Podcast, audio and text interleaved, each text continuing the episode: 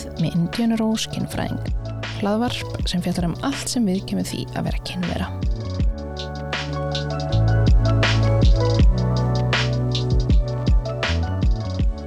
Herðu góðan og blessaðan daginn, Lalli. Lalli sjúkraþjálfari, Sæl og blessuð Indiana. ekki sjúkraþjálfari.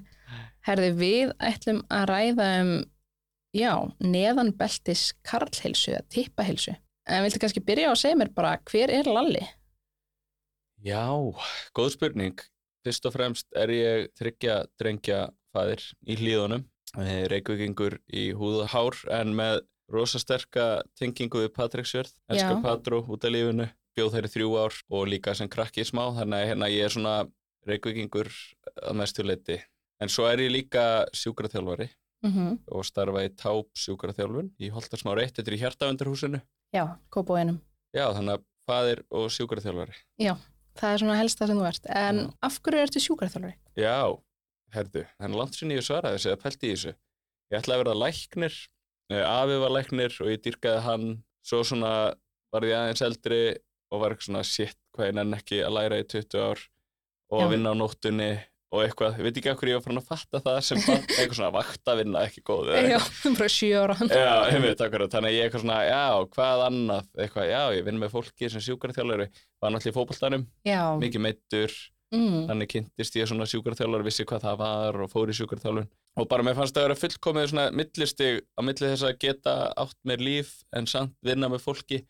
Og ég heitlaðist örgulega líka þegar ég fór að pæla í þessu svona, svona heilbrið nálgun oft sem að sjúkarþjálfun kemur með Mm sem sagt ekki bara lif og aðgerðir sem að læknar hafa meiri tilnefningu í ekki allir og ekki alltaf ég ætla ekki að alhafa sjúkraþjálfun, maður er svolítið svona að leggja ábyrðin í hendur og fólki kenna non-invasive Mhm. meðferðir, já, heilbreyðir held ég að sé hægt að segja. Ég myndi, ég held að það veri í þættinum sem ég tala um við Hildi Grím sjúkraþjálfara. Hún var að tala um, hún var líka að pæla í þessu að hún ætlaði að vera ljósmóður. Mm. En svo er þetta með hérna blóðið og aðgerðir og okkar svona.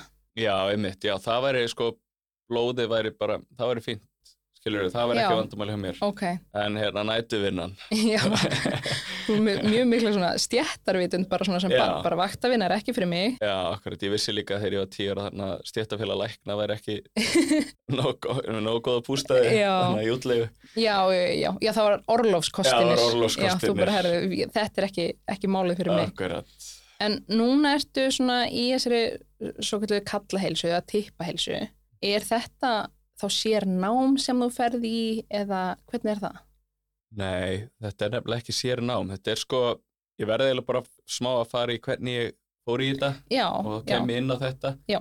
Klára Já. sjúkraþjálfun í HÍ 2015 og fer að vinna í táp, ekki að nefni annar ástæð en bara þau reyði mig í vinnu. Ég sótti um á mörgum stofum Já. og byrja bara í almennri sjúkraþjálfun en þessi stofa var þá og er mikil grindabós hilsu stofa, mikið af konum þar náléttum eða eftir fæðingu og er þarna fyrst bara í almennri sjúkraþjálfun eh, síðan spyr hún Toppa Þorgerður, ein af eigandunum á stofinni og bara eina af fremstu í svona kvennhilsufræðum Mhm. hérna á Íslandi hún spyr hvort ég væri til að prófa kallahilsuna, af því að hún hefði verið að taka einhverja kallaði meðferð hafði ekki undan sko öllum konunum sem hún var að sinna, hvað þá að fá einhverja punga þarna í meðferð líka.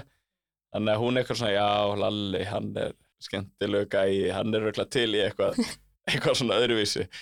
Og vitum enn, ég var til í eitthvað öðruvísi, ég er svona, hvað er það nú? Fekk einhverja greinar frá henni, fór að lesa, ég fylgdist með henni, vera með kallaði meðferð, var bara eitthvað svona, já, þetta er geggjað, eitthvað, þetta er spennandi. Og fekk sjálfur kallaði meðferð, fór á námskeið út með henni og tveimur öðrum, hérna Fanny og Sofíu, sem fyrir norðan, fór að lesa meira og hitta fleiri kalla. Og ég fjalli eiginlega bara fyrir þessu strax, þetta var svo fáranlega gefandi, maður fann hvað þetta skipti kallana miklu máli. Og þarna var ég aðalega að fá verkja kalla fyrst til mín. Já, sem er Eh, þá með einhvern verk í grindabotni eða Já, kynfærasvæðinu. verk á þessu svona meðamagrinda grindabóssvæði og önnur enginni sem við förum pottit í nánar eftir uh, og fann síðan bara hvað var áþreifanlegt að þeir vissu ekkert um þetta svæði veist, þeir eru komu, búin að vera flestir með vandamálinn sín í mjög langan tíma, búin að hitta mjög marga lækna eru þau fengið ótrúlega litla fræðslu öll þessi ár og þú veist, þeir vissi ekki að þeir væri með grindabotn Já, bara yfir höfuð. Já, bara yfir höfuð. Eh, Upp úr 2019 byrjaði ég með neðanbeltis kalla hilsa aðgang á Facebook og Instagram. Mm Var að skrifa fræðslupistla, bæði fyrir mig, bara hvetja mig til að lesa meira og læra meira og læra að koma þið frá mér í orð og svo líka bara til að vekja aðtikla á þessu. Já, líka geta vísað í. Já. kíktu á hérna, Instagram hjá mér. Þannig að til að svara spurningur hvort þetta sé eitthvað sérnám, þá er það ekki sérnám, þetta er svolítið mikið sjálfsnám Já, En mér finnst sjálfsnám ekki hljóma beint vel. Það er svona eins og ég hafi lært já, að gera neglur eftir YouTube myndböndum Já, eða eitthvað svona. Þetta eru, þetta eru námskeið úti. já, þetta er einmitt þessi námskeið eins og Hildur er mitt talað um í þættinum um kvennhelsu. Þú veist, þetta er grindabotts námskeið og þú lærir að, þetta er alveg nám les- þótt að þetta sé ekki mastersnám eða, Já, akkurat. Þú er búin að lesa fullt af bókum og fullt af rannsóknum og svona. Og síðan, því að ég sérst byrja með þessa fræðslu síðu, það vakti bara aðtikli og ég var beðin um að halda einhverja fyrirlestra og mætti einhverju viðtölu og eitthvað svona. En þetta var að komast að eitthvað flug þegar að COVID kom.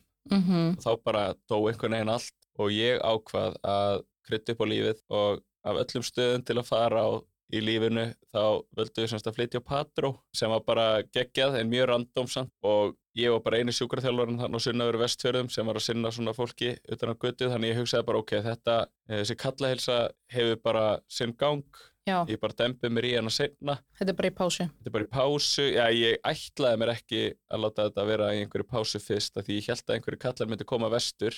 Já, af því ég hugsaði, þú veist fólk veit í Budapest til að laga á sér tennunnar ég held að fólk fer freka til útlanda heldur en út á land, sko. Akkurat, þannig ég fekk einhver til mín vestur Já, á þessi þremur árum og það gekk líka óksla vel og bara sjúklega Já. gaman en ég ákvað sem sagt, þegar við fluttum í bæinn 23, Mhm. núna í ágúst 23, að ég ætlaði bara að taka eitt ári tilraun og sjá hvort ég geti unnið við þetta 100% af því ég bara hef langmestan áhuga á þessu algjörlega. En ég vissi líka að ef ég myndi mæti táp og vera eitthvað svona, nei, bara bóka á mig kalla hilsu, kalla Mhm. eitthvað, tippa vandamál, að þá myndi ég hitta kannski tvo þennan daginn og þrjá hinn eða eitthvað. Já, Þannig ég hugsaði hvað ég að gera hina klukkutíma vikunar. Þannig ég ákvað að fyrsta lagi skrá mig í nám ok. í jákvæða sálfræði í endurmyndun HÍ og svo ákvaði ég að nota tíma til að bæði lesa meira, fræðast meira og kynna þetta fyrir læknum. Ég er að hitta þokkverðskurlækna á fundum, ég er að fara á milli heilsugeslustöð og höfubrókusæðinu að fræða heimilislækna, Eh, ég er að fara í ljósið, krabbamennsfélagið, sjá hvað er í bóði. Mhm. Því að það sem ég fannst svolítið erfitt þegar ég var að byrja í þessu þarna, áður en ég fór vestur, þá var ég að hitta einhverja nokkra kalla og svo var ég bara í almennri sjúkraþjálfur með á fullu. Já, já, og svo bara með börn heima og var að skrifa þessa pistla þarna á kvöldin alveg rángeður einhvern veginn. Mm ég komst aldrei á svona í almennlega dýft hvernig þvægleggir lít út hvaða tegundur af þvægleggjum eru bóði hvað vita heimirisleiknar um þetta hvaða lif er verið að gefa hvernig virka þau, þú veist, þannig ég ákvað bara núna að nota þennan tíma ég reyna bara að taka 360 gráður á þetta já, og bara kynnast öllu, bara hvernig er ferlið þegar menn fari í prostatektómjur, þegar mhm, blöðruhálskirtildin er tekin eftir krabbamenn, eða þú ert með krabbamenn og það þarf að taka kirtilinn, hvernig vinnur spítalinn það? já, já, Þú veist, hérna, hvaða aðgerðir eru gerðar á þessum blöðruhálskirtlum eða þeir eru stækkaðir en góðkynastækkun, ekki krabbamenn. Mhm. Og mér langaði bara að kynnast læknunum. já, veist, og líka þau þeir? kynnast þessu, að þetta sé yfir höfu til. Ég hérna, er búinn að fara, þegar við tölum saman núna, er ég búinn að fara held ég 5 eða 6 heilsugeslustöðar Já, og ég get alveg sagt að reynd út bara að læknunum finnst þetta nánast með tölu bara mjög áhugavert já, og segja flestir bara, þú veist, já, heyrðu gott að ræða þetta og já, ég hefði ekki hugmynd um þetta meðferðar úrræði og, akkurat. en það er alveg galið að hugsa um að það eru, ég veit ekkert hvað eru margir sjúkraþjálfarir í kvennheilsu, kannski 20 á landinu, segja það bara, já. einhver tala, en enginn í kallaheilsu, nema þá örfáir hvern sjúkraþjálfarir sem taka svona þessi tekur einn og einn og þessi einn og einn og svona, en, en enginn sem er bara í þessu Já, já, að ég sem sagt er bara núna á þeirri vekkferðin að geða lappa að kynna þetta og læra meira og vita allt sjá hvort ég geti unni við þetta eða hvort ég þurfi líka að fara að hitta einhverja slæma öxl og já, já. ég laus í öklanum Já. Eitthvað svona, já, En er ekki líka, þú veist, fólk kemur kannski út af bakvanda eða mjóbaksvanda eða eitthvað. Mhm. Svo bara, haha, grindabotnin, hann er aðna, hann getur haft áhrif. já, það var kannski meira þannig áður Já, að ef einhver kom með bara stóðu beinaverkir í mjóbaki að þá svona fór ég að spyrja bara út í ertu, veist, ertu með einhver engin á þessu svæði og hvernig Mhm. gengur með þvag og risið og eitthvað svona dóttir í en þeir sem eru að koma núna eru með einhver greindan kvill að vita af einhverju sem er að ángra á þannig niðri Þannig að þeir eru að koma beint út af þessu ekki, þetta kemur í ljós. Nei, nei, nei, nei, það er enginn að koma út hann er slæmur í mjöðminn en svo kemur í ljós að það er ofspenni grindabotni líka. Já, þannig að er það búið að vera breyting á einhverjum tíma eða Nei, það er bara því að þeir eru flutt í bæin ákvaði ég að taka bara, bara, já, akkurat, þannig að kannski partur af því. Það væri prímer svona, Herði, þátturinn auðvitað í búið elk og unasvara, mæli að sjálfsögum því að þið aðalega þeim með tippin þá kannski, það núti, farið og kynnið ykkur allt sem er í bóði, fáið svo heimsend beint upp á dyrum með dropp og í alveg ómertum umbúðum. Eða þau eru mert elk og annars stendur ekkert hérna, muffa, extra large, ekkert svo leiðis. Þá er þátturinn líka í búið Durex, kipið endilega með ykkur nokkra Durex smokkapakka í næstu búða, sjoppu eða apoteksferð, prófið endilega mismundi típunar sem eru til. En ef við höldum áfram með þau vorum aðeins byrjað að fara á hverju er að koma til þín hverjir eru svona helst að koma til þín Er, ertu aðalega að fá bara sískallmenn eða ertu að fá einhvað transfólki með hinga til hef ég bara fengið sískallmenn og ef að ég svona reyna að flokka þá sem að koma þá er þetta annars vegar verkjakallar, mm ef -hmm. ég get kalla þann hóp það, svona kalla með verkjavandamál á þessu svæði. Svo er hinn hópurinn eru kallar sem eru á leiðinni í eða búnir í brottnámi blöðurháskirtli. Þeir glíma allir við þvægleika og risandamál eftir brottnámið. Og svo eru svona þriði hópurinn eru bara alls konar svona blöðurvandamál, eh, svona pissuvandamál. Þeir eiga oftast heima í öðrum hvorum af hinum flokkonum en svo geta þeir komið líka bara með blöðurvandamál punktur. Þá ofvirkað fagblöðru eða Já, og virkblæðra, bara léleg blöðru hegðun, ekkert endilega pjúra ofvirkblæðra, heldur bara þurfa að pissa oft eða er með að tæma eða, eða léttur þvæguleiki, Mhm. kannski dribblar eftir að þeir eru búin að pissa. En það er sjaldnastur ef menn kom út að pjúra pissuvandamál án þess að það sé eitthvað annað. annarkort an með, ok en ég man ekki hvort við nefndum á þann eða hvort að það var þegar við vorum að spjalla fyrir að fólk almennt átt að sé ekki á að kallar að fólk með tippi sé með grindabótt Nei, sko, allavega þeir sem að ég hitti þá, og sko, mér finnst það reyndar hafa skánað já, núna meða við þarna 2017, 18, 19 pre-covid. Já. Eh, þá fannst mér eiginlega bara allir vera algjörlega klúles sem að komu.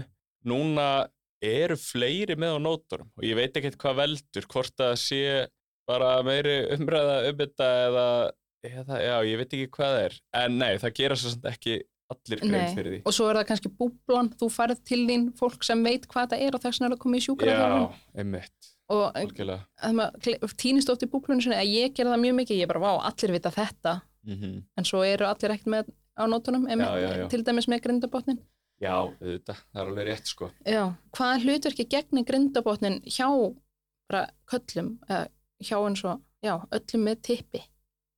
gegnir bara sama hlutverki hjá öllu fólki Mm í grunninn sko. Ég, ég hlusta á þáttir með Hildi mælu með honum fyrir það sem er ekki búin að hlusta á hann.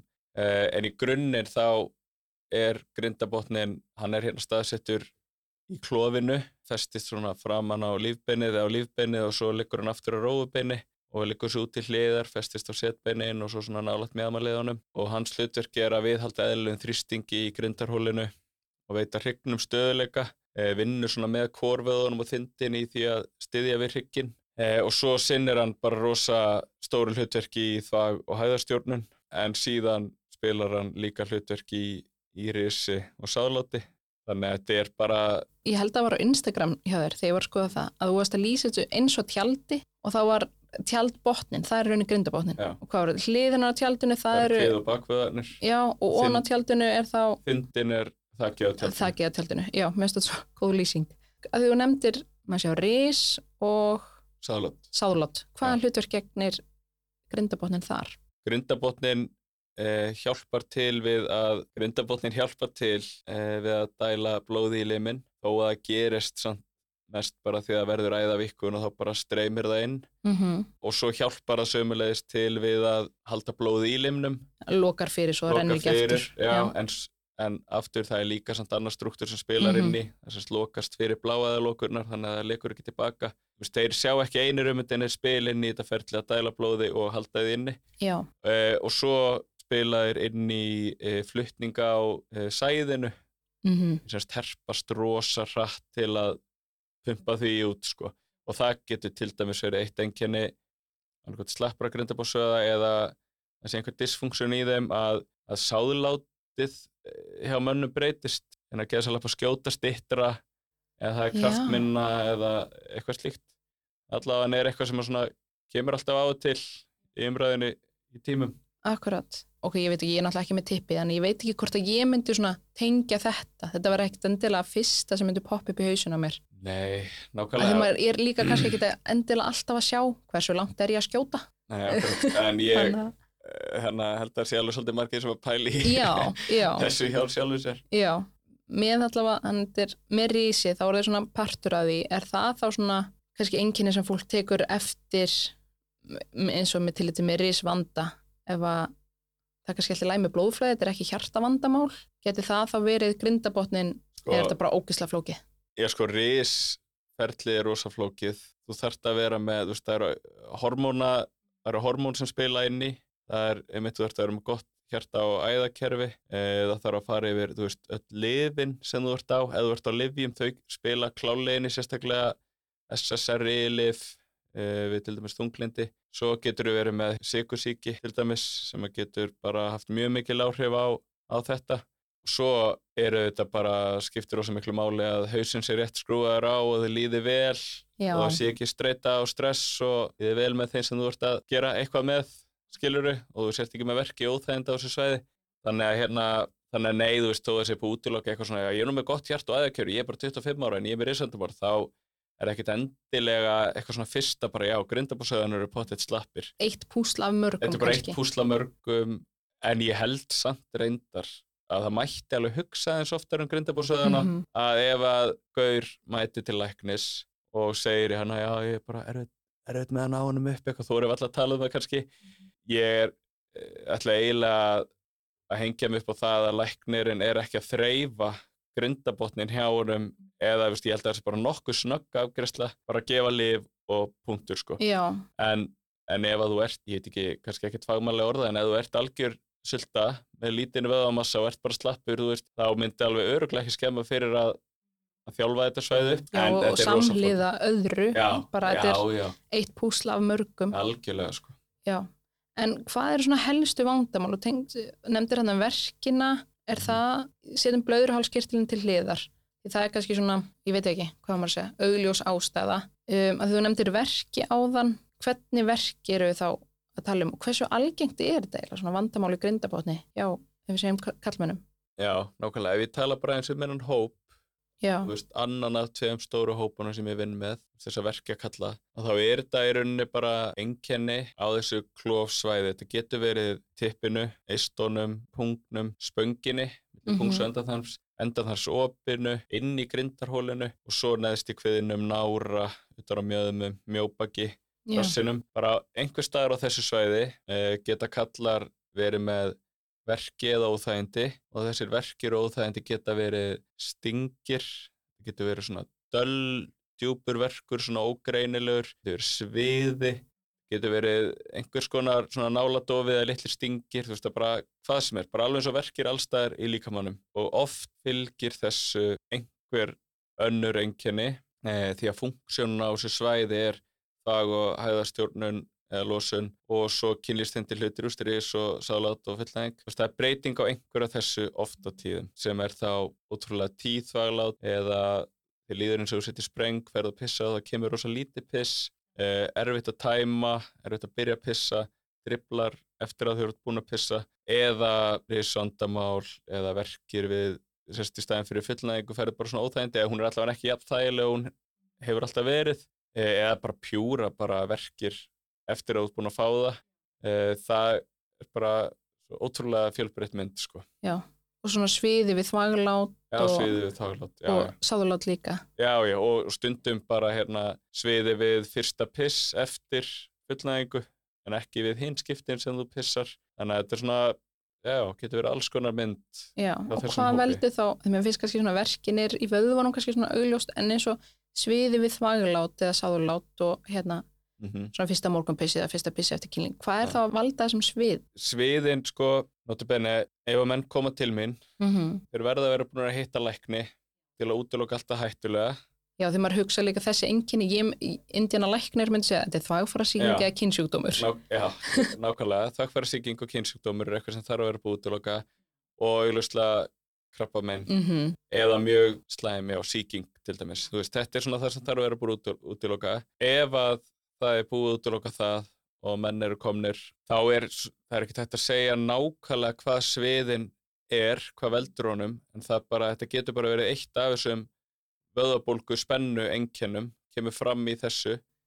Svo því ég hef alveg fengið þvagfara síkingu og þá fær maður svona að það vont að pissa. Mm Mm. Veist, er þetta þannig sviði eða er þetta Þetta er bara hérna, bara sviði? já, þú veist, bara til dæmis hérna fullnæðing, við fullnæðingu að þá herpast ákveðinu grindabósöðar ótrúlega mikið. Já. Bara fáranlega hratt og mikið og oft. Og svo hérna, sem er rosa mikið álag fyrir þessa vöðva.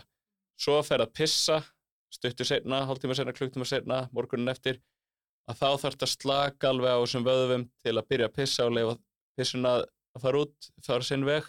Þú Bara þetta álag á vöðva sem er ógeðslega stífur og hertur Já, já, þetta er bara eins og bara einhver annar vöði sem þú veist með massa vöðbólgu svo bara ferð á boksæfing þú bara finnur annarkvæmt þrýstingsverk eða þú finnur bara sviða og stingi í vöðvanum skilur svona hvað eins og við? það einhver að nutta þig bara, þú með geðu eitthvað veðbólgu og einhver klýpir og svo fast. Já, til dæmis. Já. Þú veist, eða bara daginn eða tveim dögum eftir hellaða rektaræfingu þá getur maður verið með bara eins og beinverki að stingi öllum vöðvanum þannig að það er svolítið erfitt að segja að stingurinn er þetta þetta er bara já, einkenni sem kemur fram út af álægi á vöðva sem er ekki í lægi og yfirleitt yfirspennt yfirspendur, já. Hversu algengt er þetta þá? Er þetta, Já. er til einhver tölfræði eða, Já, bara svona vera með þessi einkenni já, eða eitthvað svona grindabóts vandamál? Já, þú veist, það er til tölfræði yfir alls konar því að grindabóðsvandamál er ekki eitthvað eitt Já, þú veist, hérna, þú erum með krabba og það er grindabóðsvandamál eða perónis, það er strangt til tekið grindabóðsvandamál eða fyrir þessa kalla helsu tippa flokkun já, sem við ræðum kannski á eftir. En bara, sko, við þurfum eiginlega einmitt að tala eins um þetta. Hérna, þetta er smá fram og tilbaka það er bara fínt. Það er Já, hérna, þessi vandamál uh, þú mætir til læknis með eitthvað af þessum vandamálum. Bara óþægendu fullnægingu, tíð, þvagla og trýstingsverkur neðst í kviðinum og eins og st- stingur í spönginni eða eitthvað, þetta er mjög svona klassisk mynd. Mm og hann færið til sín og finnst kannski, ég veit ekki, óþægild að tala um þetta og bara svona, já, þú veist, út nú ungur þeir eru örugglega ekki krabba megin eitthvað svona, en er grunur um það, fer hann í einhverja rannsónir útiloka krabba megin, já, herri, þetta er sýking í blöðruhálskirtlinum Eh, þannig að við komum þetta settur á síklarlif. Þannig hefur þetta verið í gegnum áratugina, bara alltaf og í einhverjum tilfellum læknast menn eftir Mhm. einn síklarlifakúr. Hvort sem það var að því að það var og eða bara því að menn fengu töflur, hittu lækni, Mm. fengu viðurkönningu, já þetta er út af sýkingu, já ég fæ hérna töflur, tek þær, já, ég er slakari, Já, ég er slakari og hérna bara placebo hjá Livíunum og tíminn vinnur með þér. Og menn fá aldrei þessi einkenni aftur. Já, Eh, hins vegar er bara alveg ótrúlega algengt að menn hérna lagast kannski eitthvað verða aðeins skári við síklarlefin af því að aftur placebo trúalækninum líður, eða bara taka þessa töflu svo bara líður tíminn og einkenni koma aftur í að vera sterkari. Já, og fara þær aftur á síklarlef já því það lagaði Já, síðast. því að það lagaði síðast einmitt. Og svo aftur uh, og svo að því að þetta er alltaf að koma aftur og aftur þá er þetta svæsinsýking. Mm og þá er þið settir á langan kúr í mánuð uh, pluss, jável uh, án þess að það sé búið að staðfesta að það sé sýking til staðar. -hmm. uh, og án þess að það séu með neyn Já, þú veist, yfirleitt ef maður fær staðar þá fylgir því, þú veist kuldarhollur, mm eitthvað slen smá bara hiti blóðpröfur. Já, tekur blóðpröfum sem staðfestir það eða hérna uh, hjartsláttur á sæðinu, það eru miljón einkenni sem að geta verið og þá semst greiningin sem er fá kallast prostatít, eða prostatitis Mm það er greiningi þeirra. Rannsóknir sína 5% manna með þetta prostatít eru með virkasýkingu en, en hinga til að hafa 100% manna verið meðhendlar með síklarlegu. Þannig Eh. 95% er þá ekkert í rauninni alvörinu með sýkingu. Nei, nei, an, eitthvað annað. bara þekkingin á því að þannig er bara stóðkerfi og þannig eru vöðvar og þannig eru taugar og liðbönd og fassíur og þetta tengist rosa stert svona taugakerfinu og streytukerfinu okkar sem er líka eitt sem við þurfum að ræða eftir Já, og hérna og það bara getur myndast spennaðarna og alls konar dysfunksjón einhver og þetta tengist hvið og bakkelsu rosalega mikið en það er að skoða stærri myndina. Þannig að, að því að þú veist að spyrja hversu algengt er þetta? Mm það er talað um að allir kallmenn eh, upplifi á einhverju skeiði æfinar svona prostatítis. Svona enginni, þessi enginni á þessu svæði.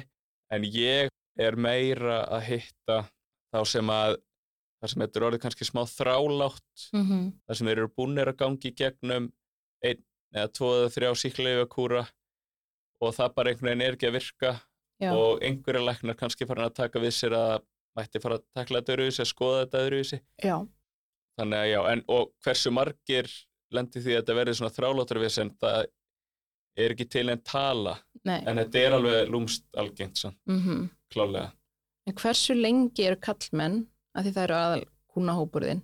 Eins og er. Mm, Já, eins og er, öll velkomin. Uh, Hversu lengi er það að býða þanga til að þau koma til þinn? Er þetta, herri, ég er búin að vera með að vanda í þrjá mánu eða er þetta tíu árum setna? já, sko, áðurinn ég fór vestur, Mhm. pre-covid þeir sem ég hitti, þeir hefðu allir verið með þetta í mörg, mörg, mörg ár. Bara tíu pluss já, já, já, bara frá þeir voru átján og þeir voru 45 ári hjá mér, eða eitthvað bara Já, núna er ég sem betur fer að upplifa að menn er að koma til mín í byrjun, já, í byrjun af fasan þegar þetta er stramt til tekið orðið krónist af því að vandamáli krónist þegar það er búið að vera lengur en þrjá mánuði. Já. þannig að veist, þetta er mjög stuttu tími svona miða við, með við miða við venjulega skilur þannig að Já. er kannski búið að vera með þetta fjóra, fimm, sex mánuði eitthvað þannig. En ég er alveg ennþá að fá líka einhverju sem eru búin að vera með þetta langan tíma. Mhm. En ástæðan fyrir þeir eru að koma fyrr núna er ekki að því að veist, þeir eru að koma fyrr heldur að því að læknanir er að vísa þeim fyrr. Já, eru meðvitaðar já, eru þetta meðvitaður um þetta sem meðferðar úrreði Já, og ég held að það, ef það er bara pjúra út af því að ég er búin að vera að hitta á núna undanfærið að tala um þetta og, og segja hvað er í bóði og mér finnst það ótrúlega smá skrítið að ég þurfa að fara og hitta lækna og segja svona, já þú veist, þannig eru vöður og þannig þetta, mér líður eins og ég að selja eitthvað svona, herru, ég var, já ég ég var á Patró Já, ég var á Patró og ég veið datt í hug hérna, skilur við. Ég er búin að gera mörg eh, hérna, YouTube-vídeó og það hljómar svona snák en- og olíu dæmi Já, akkurat. En þetta er Þetta er alveg til dæmi og, og þessar pælingar, eins og ég Mhm. segi, þetta var ekki bók á bókasafninu á Patró sem ég fann bak við og var eitthvað svona, þú veist, þetta er rosa framalega, Ástralir eru óksla framalega í þessu. Já, og svo bandaríkinn allir í þessu land en einhver, einhver er í bandaríkjunum og í Bretlandi líka. Já, og ég er bara að fylgja þeim rosa stert rannsóknum og podcastum og námskeið og alls konar sko. Ég er að selja þetta en ég er ekki að selja eitthvað bull, skilur Nei, ég þetta er bara að ekkert segja eitthvað þið verða að kaupa, skrifa upp á þessa olíu sem Nei. fæst í bílskurnum mínum. Já, akkurat. Þú ert bara sjúkaraþjálfari með mentum til þess og Já, já, alveg eins og ef að, það væri bara axlavandamál og læknar væri bara alltaf að dæla síklegum í alla með axlavandamál. Herri, ég kem með eina líkingu alltaf þegar ég er að tala um þetta.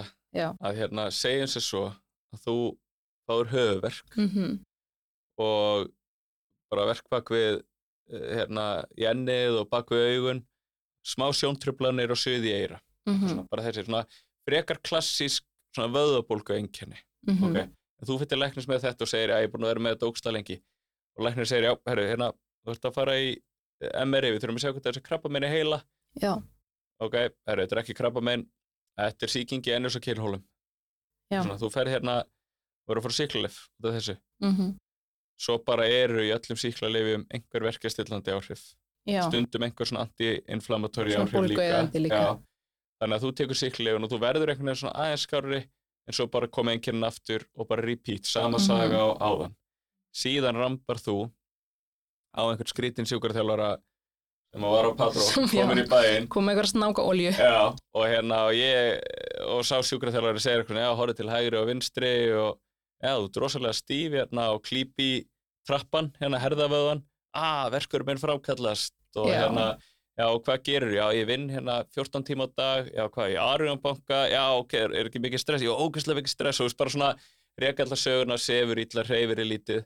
Já, Mhm. herðu, þetta er stóðkerfi, við þurfum bara að kenna þær æfingar, gera meðvitað um þetta svæði. já, Þú ert með axlir sem þú skalt ekki halda svona hátt uppi að eirónu reynda slaka, mm reyður reglulega, sofðu, bla bla bla, eitthvað, skilur já.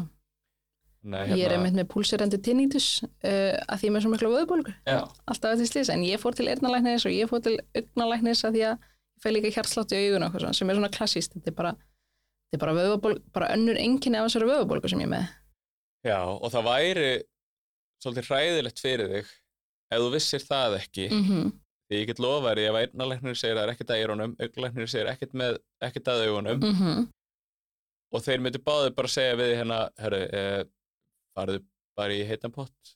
Og Já. taktu, ef þú verður slæm þá bara sendi ég á heilsuveru hérna að þú byrjum síklarlif Mm eða eitthvað, þú veist, þú myndir í alvöru halda að þú væri bara með er bara með krabba einhver- sem væri ógreint Já, eða þú væri eitthvað klikkuð. Já, ég er bara með einhverja ótrúlega sjálfgjafa sýkingu í heilanum. Já, og þeir finna hann ekki. Já, akkurat. Og það er alltaf einhverjir svona alltaf einn og einn sem kemur til mín sem að lagast ótrúlega mikið bara eftir fyrsta tíman Já, bara við þetta spjall og þessa fræðslu einhverja þreyfingu kannski og svona létta skoðun já, og hérna þá bara svona, þú veist, segja þér í tíma tvö bara, vá, því líka léttir. Já, bara ég veit að þetta er eitthvað sem ég get haft stjórna og get haft áhrif á og akkurat. Guð, svo sagði ég náttúrulega bara púlsirandi tinnitus eins og fólk veit hvað það er. En þetta er bara svona, ég heyri í hjartslætti alltaf og það er bara þessi þrenging að æðunum um, sem hérna, magnar upp hennan hjartslátt mjög óþólandi en kannski ótengt því sem við erum að tala um Mm. en með gaglegt að vita eða gott að vita að læknar eru þá núna meira að átta sig á þessu að því að Já. hitt þrepið er rosa erfitt að koma til þín eftir f- 15 ár já, sko, að því að, ok verkir eru náttúrulega bara útrúlega flókið fyrirbæri, mm -hmm. risoverkir gaman að maður skuli þetta er ekki beint auðvitað, deildir, sko hafið sjö klukkutíma Já, akkurat. Er hérna, uh, veist, það er alveg svolítið erfitt að segja við einhver sem búin að vera með verki mm eða svona mjög mikið lóþægindi í 15 ár. Þú myndi aldrei finna þetta aftur ef þú gerir þetta. Þú veist, þetta er svona, þá er maður smá líka bara í fræðislu um verki og gefa Mhm. verkfæri til að hafa áhrif á þá kannski og Já. svona, þú veist, hérna, mín, mín vinna er svolítið bara að, hérna, gefa mönnum verkfæri en ég get ekkert lofa því að maður lækni alla en ég get Nei. 100% sagt með góður samvinsku að ég get hjálpað öllum -hmm. eitthvað og flestum sem betur fer hefur maður hjálpað bara mjög mikið sko. Já, að það sé ekki áfram versnandi og ok, þótt er komin til þín vikulega í einhver þú veist, þrjú ár, en þá ertu svona það tekur tíma líka, þú ert búin að vera kannski með þetta í 20 ár, Já, já, get endilega bara einn tími og búið eða þú kant bara ekki annað en að vera í yfirspennu. En ok, fyrir kannski í það sem ég kalla augljósa hópin áðan með blöðruhálskirtilin sá hóp, að þú sagðir að það veri hérna hópur sem kemur til, til þín sem var búið að þá fjarlæga blöðruhálskirtilin eða já, ég sérst hinn hópur nefnir sem ég hitti mikið er uh, kallar með hérna, með eða sem voru með krabbamein í blöðruhálskirtli sem er eh, algengast að kalla krabbameinið mm og e, þetta krabbamein, eða þeir greinast með það, þá þarf að eh, meðferða það einhvern veginn og það er stundum gert með geislum, Mhm. stundum gert með svona hormóna e, meðferð einhverju, e, en stundum er hann tekinn. Þegar hann er tekinn þá verða þeir allir fyrir tennslagsáhrifum sem er sem sagt þvægleggi og risvandamál. Grindabósæfingar spila alveg risa hlutur í þvægleika hlutanum. Flestir verða e, þurrir, ef maður getur notað það orðalag, Mhm. e, á endanum e, eftir, eftir ár eða veist, já, eftir einhver tíma en rannsóknir sína samt að þú getur flýtt fyrir ferlinu rosa mikið með grindabósæfingum. Já, þannig ef ég ger ekki neitt þá er það svona ár Já, þá, get, já, þá verða er flestir, flestir. þurrir eftir ár, sko. Já. En þú getur flýtt fyrir rosa mikið og Já. það eru mjög sterk tengsla millir þvægleika og bara hérna, uh, lakari lífsgæða, meira þunglindis, aukinar uh, sjálfsvíkstíðinni eða allavega hugsunum uh, sjálfsvíkshugsanir uh, þannig og veist, menn verða bara hérna miklu ragari við að fara út Já. draga sér svolítið félagslega draga sér tilbaka félagslega uh, stunda minni reyfingu oft á tíðum að því að þú veist, þegar þú ert að reyfa þig þá ekst þvægleikin oft Mhm. og það getur náttúrulega bara þá byrjar bara einhver snjóbolti, ég meina ef þú ert orðin 70 eitthvað, eða bara svona dæmi Mhm. og hættir bara alveg að reyfa þig, þetta getur bara haft massa áhrif á Bara allt. allt bara Já. E, þannig að það er klálega þess virði að reyna að flýta þessum þurki Mhm. og ég er svolítið erinn að tala fyrir því núna á landsanum eða við hjúkunarfræðingan og læknarna þar sem er að stjórna þessu dæmi að kallanir byrji fyrr e, að gera æfingar semst fyrir e, aðgerð og fari í gegnum mun svona intensívara prógram heldur en er ráðlagt núna Já, já. því að það er bara rannsónur á bakviða samanbyrjurhópur sem að er að gera svipa prógram og landsin er að ráðleggja versus það sem ég er að ráðleggja og það er miklu intensívara en líka bara miklu betri árangur. Þannig að hérna grindabásæðingurinn hjálpa til við, við þvægleikan en svo er það risið Já. sem skiptir menn miklu máli. Grindabásæðingarnar eru kannski ekki uh, að flýta bilaslega mikið fyrir því. Uh, við erum semst til að útskýra fyrir þá sem að vita það ekki. Þá er tauganett utan á kirtilin og það þarf að plokka taugan að losa þér frá kirtlinum þegar kirtilin er tekin Já. eh, og við það að þessi gramsað í taugunum það liggi alveg bara alveg þétt upp við kirtilin sko Já. og við það að losa þér frá og hlýfa þeim, þetta kallast svona nervspering Ok. eh, tækni já. eh, já, í staðan fyrir að skera þær burt Já, með... með... þær voru bara tekna burt með kirtlinum sko. Já. En þessar taugar spila bara leikilrullu er raunni þær sem að stýra risinu svona aðalega sko. Mhm.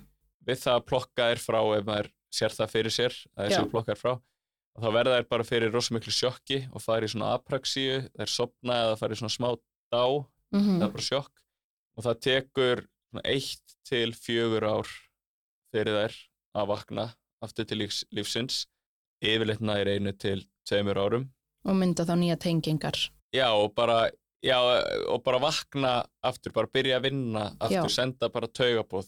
mm E, það sem að grindabóðsæfingarnar hjálpa samt með er að ef þú gerir æfingar þá ykkur blóðflæðusvæðinu -hmm. og öllum taugum fylgir æð, bara Mhm. allstaðar. Þetta er Já. alltaf par. Og það sem að æðarnar gera er að þær fýta taugina, þær gefinni næringu og súrefni. Þannig að þú getur hérna fljótara. Mögulega flýtt eitthvað fyrir því að taugin svona úf, já, hvað hva hvað gerist? blóð er þetta? Já, það veit, hvað er, já, ég hef ekki verið að gera eitthvað hérna.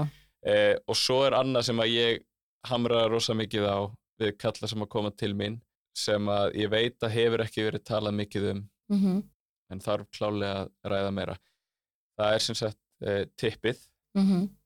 að það er svona svampkendur vefur. Mm og þetta er vefur sem að vill láta fylla sig að blóði og tæma sig síðan og fylla sig að blóði og tæma sig reglulega. -hmm.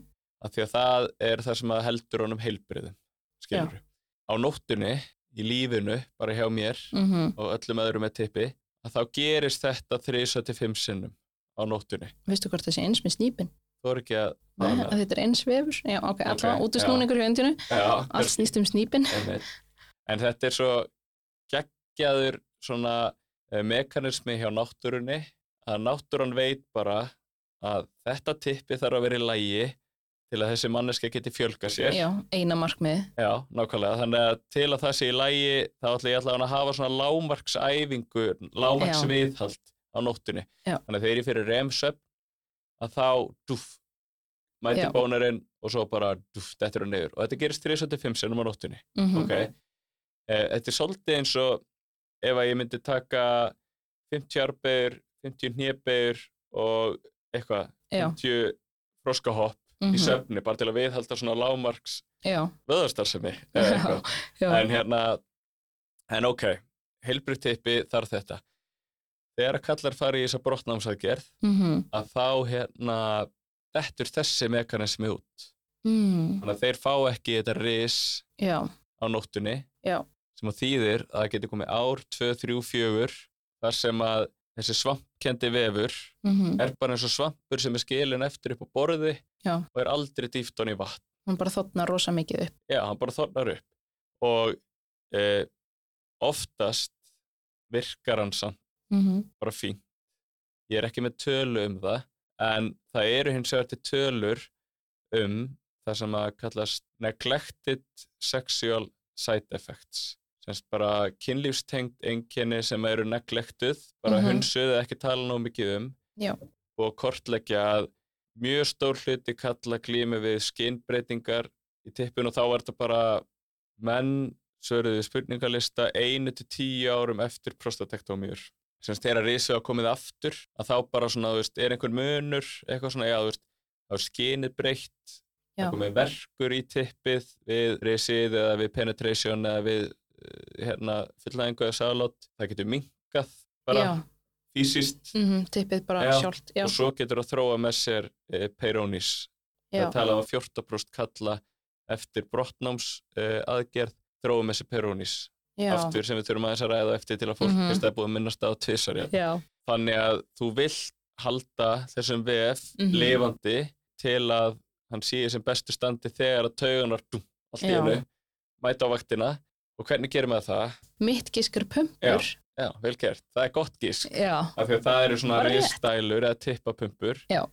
sem að ég myndi ráðleggja mönnum að nota 375 sinnum á sólarring já, í staðan fyrir þessi 3-5 staðin fyrir skipti. 35 lámarskiptir á nóttinni Já. það er hérna einn sjúkraþjálfari framalegi kalla hilsu í Ástralíu sem er ráðleggja sko 20 skipt á dag.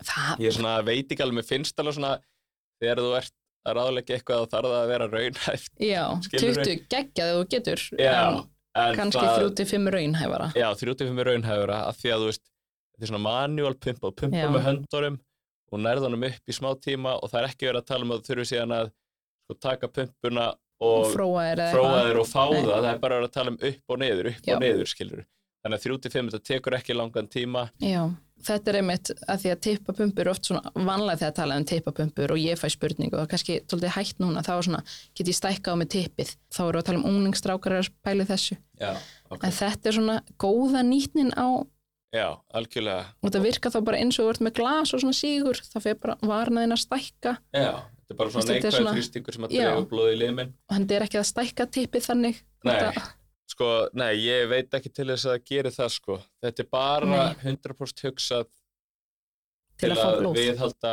vefnum. Leifa honum að stekka og, og gera það sem hann á að gera eða vill gera. Já. En að því kannski fólk sem er með blöðruhálskirtilskrabba minn, það er kannski svona eldri hópur myndi ég áætla á kallmönnum það er alltaf bara sama á við um fatla fólk og gamalt fólk, þetta eru bara ekkert kynverur. Þau eru ekkert að fara að stunda kynlíf. Þannig af hverju að þurfa hérna, pæli í þessum risvanda? Já, Þú veist, Þeir allavega hafa ekki heyrt þetta mm þessi kalla þegar ég minnist á þetta við á Já, þeir eru mjög þakkláttur fyrir það. Já. kannski er einmitt hérna svona væpið í, í kerfinu já. bara þú veist, þeir sem að þeir hitta mm og þeir bæklingar sem að þeir lesa eða fræðslefni, Já, þá er kannski ekkert talað um þetta að því að það er bara svolítið búið að áætla svona hérna nei, nei, fókusin á þessum aðilenn og ekkert endilega á að ná honum upp og geta síðan já eitthvað, en veist, þetta eru eldri menn vissulega mm en þetta eru líka alveg bara graðir eldri menn. Kynverur Já, algjörlega. Og ég var, var með tvo í síðustu viku sem að voru rétt undir 50 Mhm. skilur sem eru bara ungir menn sko. Já, ég líka hérna, í, að ég er með fræðslu reglulega fyrir konur endar í, í ljósinum kynlíf og krabba megin, þetta er svona alltaf aldurskipt og elsti hópurinn sem er hvað, 60 pluss eða 65 pluss og að því byrja alltaf að spyrja bara almennt talið um kynlíf. Og sá hópur gerir það bara mjög lítið og ég spil alltaf, þú veist, en við lækna. En það er líka bara, ég man það verið síðustu fræðslu hjá mér og ein hérna hafði spurt lækni sinni eitthvað. En læknin, krabbameinslæknin bara, nei ég er bara að fara að díla þetta krabba minn. Ég er ekkert að pæla í hinn þá farið til heimilislæknis út af því. En líka að því, ég man ekki hvort að vera í þættunum með Áslegu Kristján sem kynlíf og veikindi, að því það sem hefur breyst svo mikið í krabbameinum, það dóu bara allir. En núna eru svo margir lifa þá er svona allar krabbameins ráðstöfnur og svona, þau eru svona já, byttu, fólk lifir. Og það eru hérna, hvað segir maður aukaverkanir eða svona áhrif af meðförðunum sem er að hafa þessi áhrif á líf fólks þannig að þeir eru átt að sér kannski svona núna, bara herra já, þetta er eitthvað sem við læknanir eigum kannski að grípa líka. Þannig að kannski svona meiri bara vitundavakning núna með þetta, fólk er átt að sér meira. Já, já, og annarkvæmt að læknarinn hugsiði við um að grípa þetta eða vísa þá allavega áfram Já, Já. á þá sem er að pæla í þessu. já, Já, þú veist, þeir eru að taka krabba meiri burt og svo bara þeir eru að fara í næsta já, já, burt, já, já. Og svo eru þetta kynlýsráðgjöf upp á landspítalunum líka sem fólk getur fengið aðgengja. En þú ert búin að nefna tóldi grindabottsæfingar. Hvernig Mhm. gerir maður grindabottsæfingar þegar þú ert með tippi? Já, hvað þú gerir uh, væntanlega svipað og þeir eru ekki með tippi. Mm Það sem að, já, svo fer þetta líka eftir bara af hverju þarfst að gera grindabóðsæfingarnar. -hmm. Flestir fá ráðleggingar um grindabóðsæfingar hjá mér. Ef við tökum þennan hóp sem vorum að tala um síðast, blöðruhálskirtils kallana, Mm er maður augljóslega að styrkja svæðið yfirleitt. Getur alveg verið einhver ofspenna hjá þeim og þessi leki út að þeir eru ofspendir og þá þarf maður að vinna í að slaka og svo byggja upp styrkin. Þetta er svona of kannski detailerað til að fara í það hérna þannig að hjá já. langflestum er maður að vinna í að styrkja grindabórsöðuna eða þvæglegi. -hmm. Þá þarf maður að kjúa menn rétt. Af Því að flestir uh, kallar, sérstaklega eldri kallar vil ég segja, hafa ekkert rosa góða tengingu við þetta svæði Mm og alveg eins og maður fyrir rektina þegar maður er að detta þá allavega að kjúa ég sjálf á mig hérna ég er að þrýsta hælunum í jörðina íta jörðinu frá mér -hmm. þú veist, til að virkja rassöðana og bara gera réttar hefingu og virkja réttar vöða og hérna, og það er alls konar kjú í gangi þegar maður kennir fólki að spenna á hvernig vöða kjúið sem ég gef köllunum er að þeir eru að vaða í vatni Já, sem er klofhátt og vatnið er alveg ískallt og þú vilt líka drastlið dingli Já. í vatnið því að það var þá óþægilegt. Já. þannig að þú ætlar að draga eistun upp og ímynda þér að þú getur dreigið tippið inn. Já, ok, eh, af hverju ger ég þetta? það er að þegar yfirleitt þegar menn spenna eh, grinda på söðuna þá loka er bara ringvöðanum, mm. loka er fyrir endanharsopið já, spenna rassopið. já, rassopið, já. En ef við erum að vinna með þvægleika, þá viljum við klálega auka spennuna framar. Já, Því að það er alveg þannig að þetta skipta grindabúsöðunum í svona fremri og aftari. Og til að spenna vöðvana sem að loka fyrir þvægrásina, þá þarf maður að fá kjúið þangað. já, bjargaði tippinu þínu. Já, bjargaði tippinu og, og eistónu frá kalda Já. vatninu. Svo er alls konar, þú veist, maður getur líka sagt hérna, þú liggur, ég er búin að hlekkja þig við bekkin Já, og ég er með svona brennimerki svona, já. og ég er með það hérna í klofinu óttarstjórnun. Já, og þú veist, og hérna þú ætlar að draga spöngina frá, Já. skilur reyna að bakka með spöngina, Já. skilur þú veist, eitthvað svona. Ef allt þrítur, þá eru þetta, þú veist, jú, jú, það er líka hægt að koma með kjúi bara prófað að pissa hérna á eftir Já, stoppaði pissubunna, já, skilur þú veist, þá er þetta hérna loka líka fyrir þaur og svona. Já, og svo er það tæknin, hérna ekki spenna rass og læri og kviðurum og kannski aðeins koma með inn, en þú veist, það er svona já, þetta er ekki, Nei, ekki haldið niður andanum Já. og þú veist, öndunin tengist klálega þarna en, en þetta er svona í grunninn. Þarna viltu hérna fá bara góða spennu upp í 100% upp í hámar spennu án þess að spenna eitthvað annað og svo eru hægar og hraðar spennur þannig að fer eftir í um hvað, hvað vandamálið er. Já, en þetta er Eh, alltaf svona góð byrjun. Já, þetta er góð byrjun sko en Já. hjá verkjagaurunum Já, þá er maður yfirleitt ekki að fókus á spennuna þá er fókusinu kannski frekar á slökunna af hverju lætum maður sem einhver sem er ofspendur gera grindabórsæfingar ég lít bara svolítið á þetta þannig að ef þú ætlar að slaka á einhverju þá þarfst að vita hvernig þú spennir það. Já, og ef þú ert að gera eitthvað svæði heilbrygt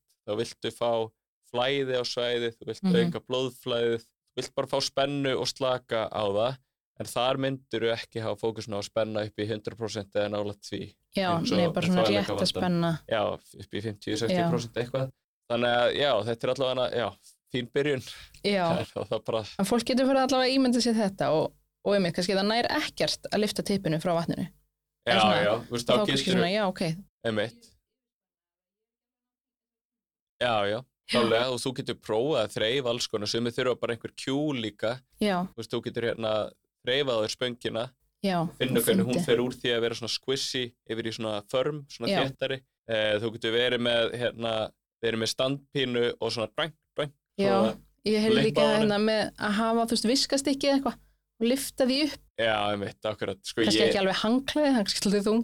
ég held ég myndi ég myndi freka bara gera grindabósæfingarnar reglulega meðan bara slakan og svona Ekki verið að henda lóðum á. Nei, ekki verið að henda lóðum á eða- Nei, ég allavega hef ekki verið að ráleika það nei, en maður alltaf að prófa alls sko já, já, já. Hversu sterkur ertu? Nærðið, svona eins og hérna, æ, þessu svona, svona síningur út þegar eða, þá konur og fólk með píku er eitthvað svona skjóta pingpong, pingpong sjó. næsta svona Facebook svona Já, svona trending video. Harlem. Shake eða It Bjór Já, svona TikTok challenge. Já, Hversu þungu getur þau lift. Já, En hvernig er fyrsti tími? Eh, Já, segjum að ég væri með tippi, ég væri búin að vera hérna með einhvað þessu um verk, ég var bara einhvað þessu sem við erum að tala um.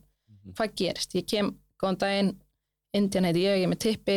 já, einmitt. Sko, yfirleitt er læknir búin að vísa á mig. Finnst samt núna undarfarið að það eru fleiri sem eru líka að koma sjálfur eða því að vinur vísað á mig eða félagi í einhverjum hóp, eitthvað svona til dæmis hérna, krabba með sóp eða hvað það nú er. Því maður þarf ekki tilvísun. Nei, Fyrstu- þú getur mætt sexinum tilvísunar, samt taka sjúkratryggingar þátt. Já. En fyrsti tími er klukkutími. Ég reyni ja, vel að gefa klukkutíma kortir, ég reyni að gefa ótrúlega góðan skoðunatíma, Mm bara farið yfir auðvitað söguna. Það er ekki alltaf skoðin í fyrsta tíma hjá Mhm. mér. Þeir auðvitað eftir hversu flókin sagan er. Maður skinnir það líka bara á mönnum, hversu djúft þeir vilja fara í hana. Kannski eru þeir að opna á þetta í sem í fyrsta skipti, svona detailerað. Það er það bara rosa flott, sko. En maður reynir samt að hafa fókus á að fara yfir bara það sem skiptir máli, skilur við. Akkurat. Tengt því sem að ég er að gera. Síðan er yfirleitt farið í einhverja skoðun og það er þá, því að eins og ég myndist örglega á áðan, að þá er grindabóshelsa rosa mikil kvið og bakhelsa líka. Þannig að maður tekur alltaf svona grófa skimun á hreyfingum, svona bara almennt eins og sett komin í venjulega Bara sjúkraþjálfur. beigðu þið fram og Já, beigða svona fram, allar eitthvað. aftur og svona sjá snúningin og sjá hvernig hreyfingin í hrygnum er til dæmis. Mjadmennar, aðeins reyft líka snúð upp á þær og svo framvegis. Mhm. Kviðurinn og öndun, alltaf skoðað, 100% alltaf í verkjatilfellunum, þar að Mhm. segja. Ef að það þarf að skoða grindabotnin, þarf ekki alltaf, að þá er það yfirleitt tekið í tveim skrefum, maður þreifar þá spöngina fyrst, þá er það Mhm. svona, þá er maður að þreifa það útvortis Mhm. Og svo er hægt að þreifa grindabósöðuna innvortis líka í gegnum endaþarm. Eh, það er ekki, alls ekki alltaf gert í fyrsta tíma og ég tek það fram örglega of oft að menninni megi, að ég gerir þetta aldrei nema þeir vilji Mhm. og ekki nema ég meti það sé nöðsynlegt. Já, getur hjálpað. Já, algjörlega bæði geti hjálpað við skoðurna og svo mögulega þá við meðferð síðan. Mhm. Og svo skrifa menn upp á upplýst samþykki Já, en á því stendur skýrt að þeir megi líka bakk út þau gefur ekki leifi til að vaða þarna í hvert einsta Mhm. skipti eitthvað, þú veist, það er hægt að gera fullt án þess að fara þannig í einhverja innvortis meðferð. Stór hluta þeir sem ég hef hitt hefur glýmt við vesen á svæði svo lengi og þeir hafa farið í gegnum svona skoðanir hjá læknum mhm. oft og þeim er eiginlega bara drull. já, þau bara, ef þú getur aðstofað mig, gerðu það sem þú þarfst að gera. Já. Hins vegar, að því að ég er að fá núna fleiri sem er að koma, búin að vera með vandamálunni stittir tíma, Já, sem er mjög ánægulegt mhm. og gott en maður finnur augljóslega munin á Já. þeim versus einhverju sem búin að vera með þetta í 15 ár mhm. og maður þarf aðeins svona tala meir um þetta og útskýra aðeins svona af hverju já, þetta geti verið nöðsynlegt og svona Já. en yfirleitt eru gaurar, uh, fólk með tippi bara opið með þetta og vilja bara fá hjálp og mhm. Bara alveg svo þú þarfst að fara í einhverja speiklun eða eitthvað, það er uppbenda þar minn. að því það er oft svona stimplað í okkar samfélagi að kynhægðun segi til um kynneigðina þína. Og þannig ef það er eitthvað í rassin það þýðir að samkynneður já, og nei, það, ég ætla ekki að fá neitt í rassin að ég er ekki hommi. Bara, nei, nei, er, við erum ekkert að tala um það þetta er bara, einmitt. þetta er ekki eins og kynhægðun þannig sé þetta er líkamskoðun já en þau kannski eru með þessa tengingu. Flestir sem koma til mín mm séu líka þeir sem að veist, leita sér hjálpar já, og ja, hvernig get ég líst þessu? Veist, sá sem er bara eitthvað svona "Ei, það fer ekkert inn um þetta gatt hann fer Hann er ekki eins og til til það. læknis til að byrja með sko. og hann er ekki, einmitt, og ef að læknir segja, það er einn að kalla þessu Já. og hann googlar þetta og hann bara, sjens veist flestir bara vera eh, rosa opnir já, og, miklu auðveldara líka. En sko ég, ég hérna, sem, svona, sem fagmaður já, þá er ég alveg búin að þróast fullt á þessum tíma já, fyrst þegar ég byrjaði þá held ég sko að innvortis meðferð væri eiginlega möst einhvern veginn Mhm. alltaf sko. Já, þú veist, svo bara hefur maður lært svo mikið já, og bara þetta þarf bara alls ekki að vera aðal nei. atriði sko. og þetta er einmitt eins og Hildur talaði um með hvern helsuna það þarf, það þarf ekki endilega að fara en það er fullt hægt að gera nutta hérna alla með minna á innanverðu lærin og bara fullt hægt að gera. Já, já, kviðurinn utan á, já, vakið. kviðurinn og, já, ok, þannig þú, hérna, mögulega skoðar inn í, eða svona þreifir inn í og ertu þá bara að þreifa eftir svona vöðva spennu þar, já, þetta er bara eins og með þreifing á öðrum vöðum já, svo bara aukslinni, haldi áfram að þjóstnast á því að þetta er bara stóðkeru eins og hvað annað. Einhver með hásin á vandamál það þreifum að kálvan skilur Mhm, maður er bara að leita því hvernig grunnspennan er hvort þetta gefi einhver einkenni eða hvort þetta gefi einhver leiðiniverki já, og svo fær maður allar til að spenna og slaka hvort þið sé með tengingu við þetta svæði. Mhm, og svo þreifa maður blöðruhálskirtilinn líka en ég samt gefi mig ekki út fyrir það að greina hvort eitthvað sé að honum eða ekki, nei. það eru læknar þákværskulegnar og heimilislegnar sem að veist, segja af eða á hvort það sé eitthvað Mhm. eðlilegt þar en ég get allavega að þreifa þann og svona haft einhverju hugmynd og vísa þá. Já, farið aftur í tjekkið og varst ekki búinn eða já, maður er bara að leita eftir spennu og að tömi tenging og svona í grunninn mhm, aðalega. Síðan bara út frá þessu, út frá skoðunni, útvortis eða innvortis eða hvaða nú er út frá sögunni, þá bara býr maður til eitthvað plan. Yfirleitt hittir maður menn aftur mhm, og yfirleitt eru menn líka bara til í það. Þá er svona fókusin hjá mér alltaf bara að dæla í þá verkfærum sko, og bara fræðslu og tengingu og reyna að fá það til að skilja. Þú veist, maður þarf ekki að útskýra fyrir fólki af hverju það fær hausverk þegar það er með vöðabólgu mhm, en það þarf rosa mikið að útskýra fyrir mönnum af hverju það hefur áhrif á risið að þú sért með einhverja grindabóspennu eða, já, verki og, eða tíðari þvælátti eða hvað það nú er. Mhm, og sömur kaupa þetta bara ekki. Þetta er bara gengið þeir bara svona bara hérna, hann er með bara, hérna, ég er ógeðslega stífur í mjöðmónum og fæ alltaf svona á og til verk í bakið. En þú veist, akkur grindabór, akkur eru þeir spenntir? Bara svona af því að þeir eru þannig hliðina af hverju Já. þeir ekki að vera spenntir mhm, Þú veist að allt í kring er ógæslega spennt. Við þurfum Já. bara að losa og slaka og tegja og kannski nutta, kannski ekki eitthvað. já, en þetta er rosa mikið fræðsla, Ótrúlega mikið. Ég veit ekki sko hvað ég segi mörg orð á dag Já. vinnunni fyrir undan það. Mér finnst mjög gaman að tala. já, Þannig að ef ég er ekki að fræða þá er ég örgleik svona, hvað segir spjalla á meðan. Hvað er eldaður eitthvað um helgina? Og það er líka bara partur af þessu að byggja upp tröstið, aðalega það er svo einhver innanátskoðun eða þið taka markaður að vera bara að spjalla. Já, það eru alltaf einhverjir sem að mæta með svona hérna, hendina svona beina fram, svona stopp kæri vinnur, svona mæta með þannig skjöld, Já, ekki margir, en alltaf Mhm. einhverjir. Og hérna, maður þarf svona hérna herði. já, slökum Taka- alls staðar, já. slökum þessari hendi. Já. Við erum hérna, ég er hérna til að hjálpa þér. Já, þú ert að koma til mín til að fá hjálp. já, akkurat. Þetta er uh, bara geggjað, sko. Já, en ok, þetta hefur augljóslega geðvitt mikið áhrif bara í lífið almennt. Þá væntalega mikil áhrif á kynlífið. Hvað eru svona helstu áhrif sem þessi einhver vandi tengt grindabotni og tippinu? Já, tengt kynlífinu. Hvað er svona helsta Sko, alltaf, verkir?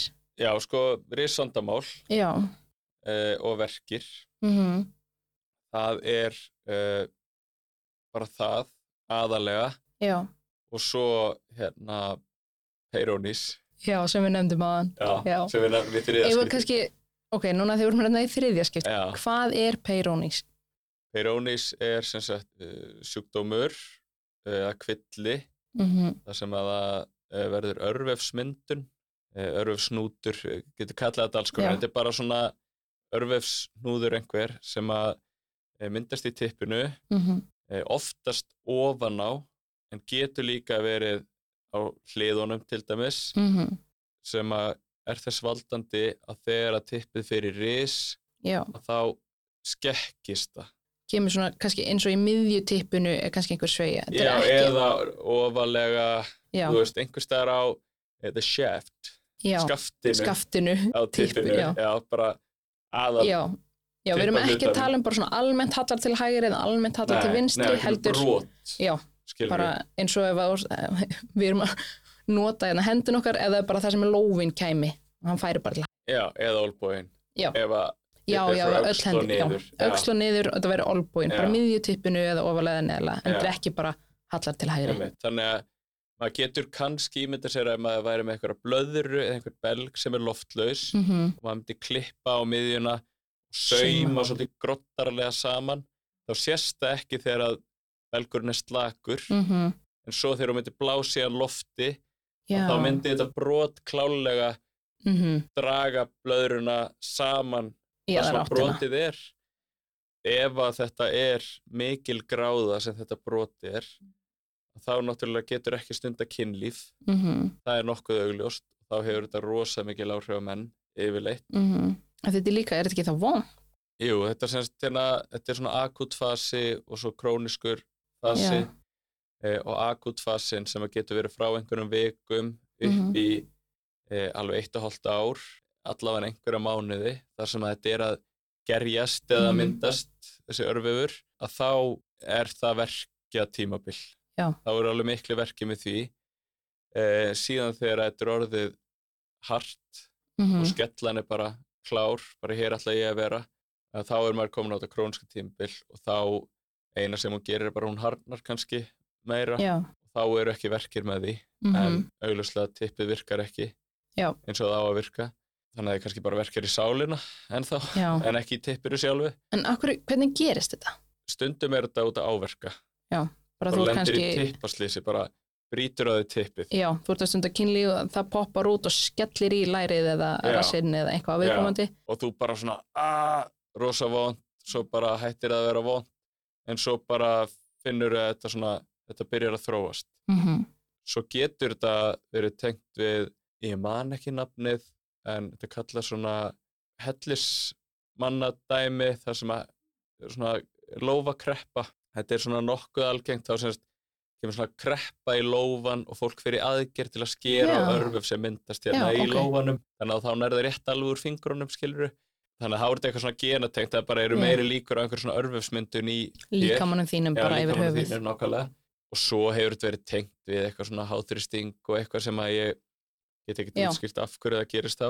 Og svo við brotnám á blöðurhálskirtlinum sem ég myndist á áðan að þá bara hérna eru meiri líkur á örfusmyndun og svona samgróningum. samgróningum. Takk, í tippavefnum ef hann fær ekki þetta þann þetta já, sem vorum að tala um á hann, gagsin þess að nota pumpu svona reglulega, en oft er þetta líka bara óvita. þannig stundum er þetta kannski áverkar og stundum bara þúsund ástæður við vitum ekki alveg hvað er Já. þetta bara gerist Já, ég er mjög spenntur fyrir þessum kvilla núna. já, hvað hva gerir maður ef að ég er hérna með þetta Þú fer til læknis mm sem að útilokar að sé krabba mein eða þú fer til læknis að þú heldur að sé krabba mein. Það er yfirleitt ástæðan. Já.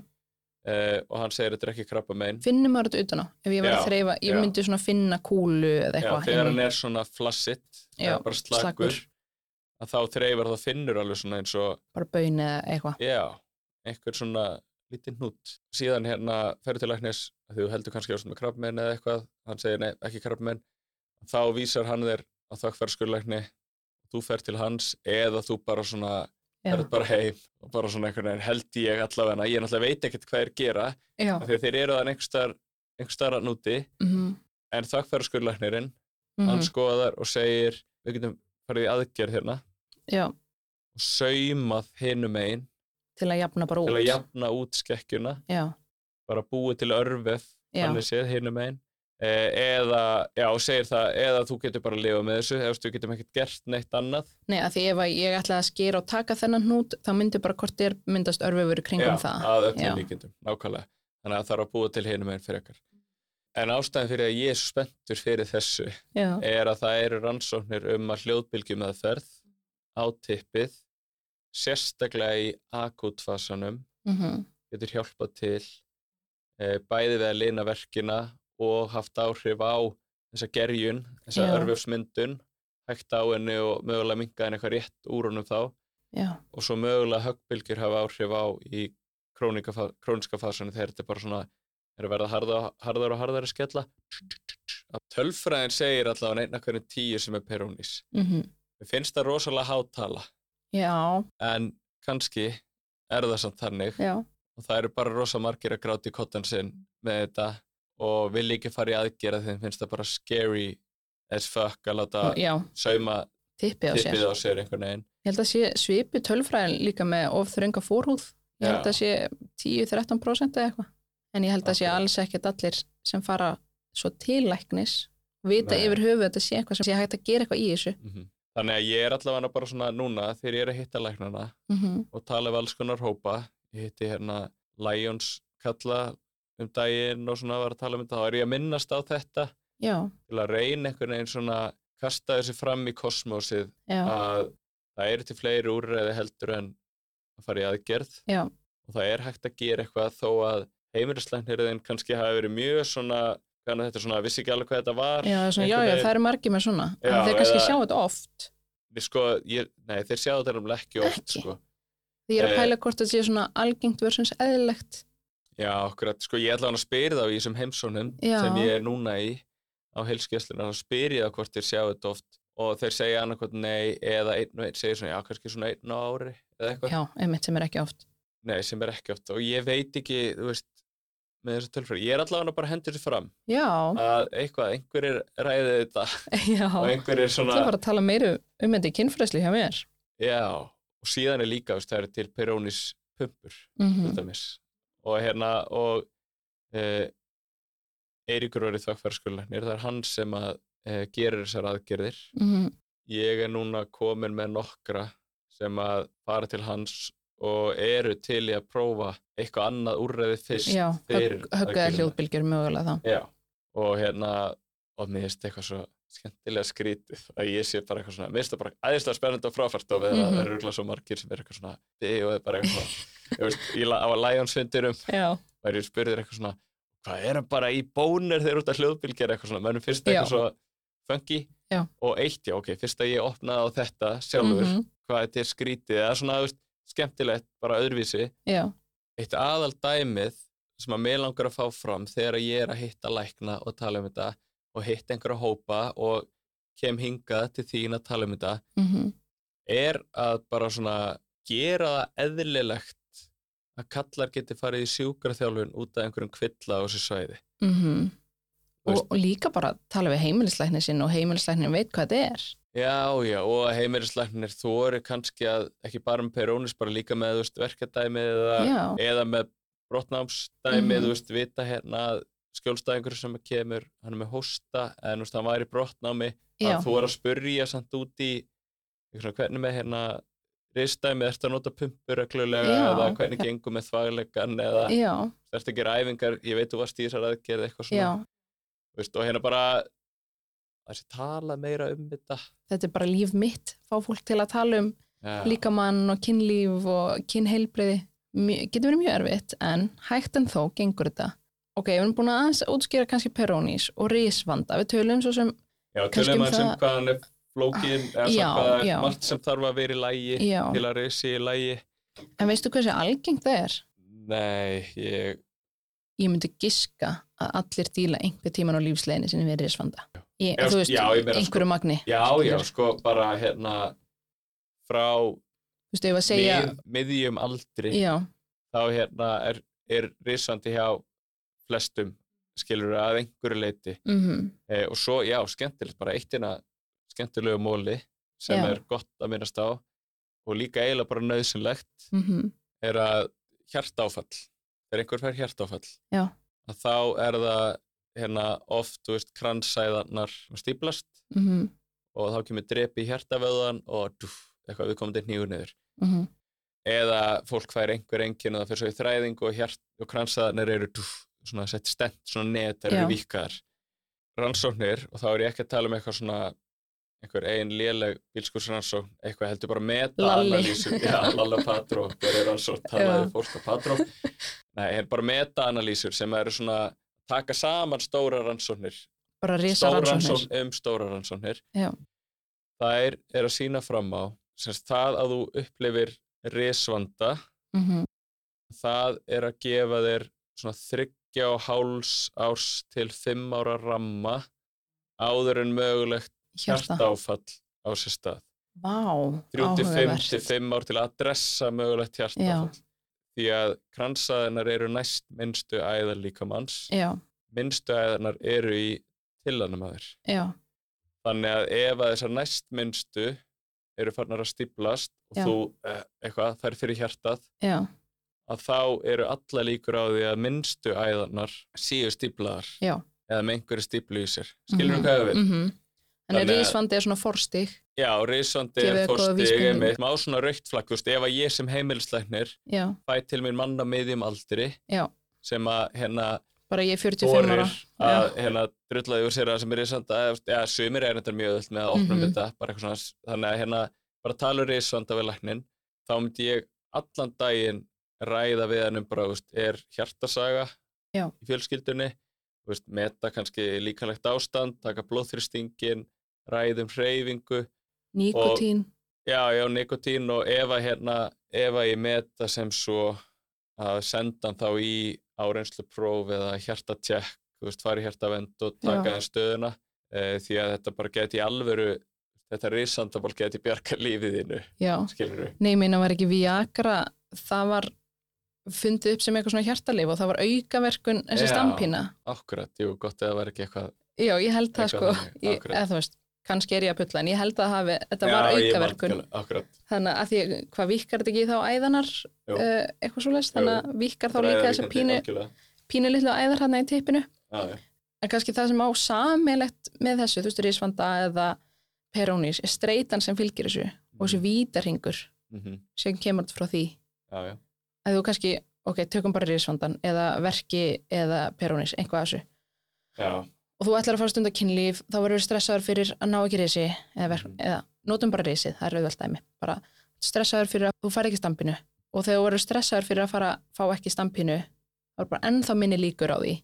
já, já, já, En það verður svona, já. Sko, ég er ekkert með einhverja svona risapúlju af mönnum mhm, sem að koma einhvern veginn út að risið er eitthvað svona aðaldæmið Mhm. þú veist, þetta er hérna það er meira bara, veist, ég er með einhverja verki hérna, já, já, já, og veist, og þá bara langar mig eiginlega ekkert mjög mikið að gera. Þannig, veist, þá er það Já. risvandamál en samt ekki, já, þetta er verkjavandamál og þá lagast risið mhm, samlega því að verkinu minga ég fæ samt alveg af og til unga gaura sem að hafa googlað eitthvað um að grindabósæðingar séu góðar fyrir ris, mhm, risið og eitthvað svona. Já, og þeir koma og lýsa einmitt hérna bara einn sem er ofalega hugur sem var nýlega hjá mér sem að einmitt svona, já hann svona virkar on-off og hérna og þú veist ef ég er einn með sjálfu mér það er til dæmis já eitt sem ég spyr alltaf að og Já. svona gefur ágæta myndaði hvað málið er. Mhm, ef ég er einn bara að runga mér mhm, að þá bara virkar hann 100%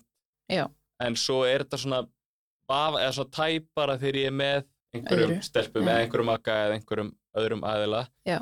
og þú veist og það bara ef það er eitthvað æðatengt til dæmis mhm, hérna þú ert með sikursíki sem Já. þér finnst þér að meðhöndluðu vel mhm, eh, en þú ert ekki viss hvort að það sé hún sem er að hafa áhrif bara svona ef þú ert að ná hana þegar þú ert slakur já, þú ert sjálfur að fróa þér. Já, þá er mjög ólíklegt að, að æðarnar ákveða að fungera Já. bara 100% vel þar Já. eða eitthvað svona, eða grindabósöðunar ákveða að fungera vel þar Mhm, en ekki þegar þú ert með einhverjum.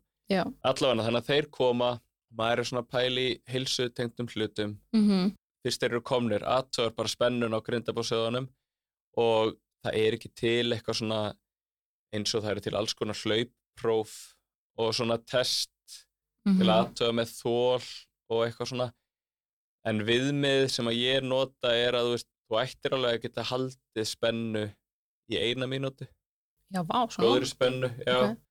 og þú átt að geta spennt tíu sinnum hratt á 8 sekundum Já. 0,8 sekundu spennuslaka, spennuslaka, já. Já. þannig að, en sko mínúti er svolítið langt, ég veit Já, það alveg þannig að það að halda góðri spennu í hálfa mynd ég er ekki eitthvað svona, nei, herri, þetta er náttúrulega Fallin, eitthvað svona, þetta er meira ef þú nærð bara spenna í tvær sekundur og svo finnur bara titringu mm. -hmm. að droppa, þá klálega ok, þetta gæti alveg verið að spila inn í en er samt að öllu líkindi með lagi fyrst á nærðunum upp þegar út einn þannig að maður er bara þess að er þetta pinpoint að það er þetta, þetta, þetta. Já, og það bara svona einhvern veginn að púsla saman og ræða og Já. skoða því að þetta getur verið svo kvíðatengt líka svona framistöðu kvíði. Já, já, þú ert almennt kannski með kvíð og streitu álag í Já. lífinu.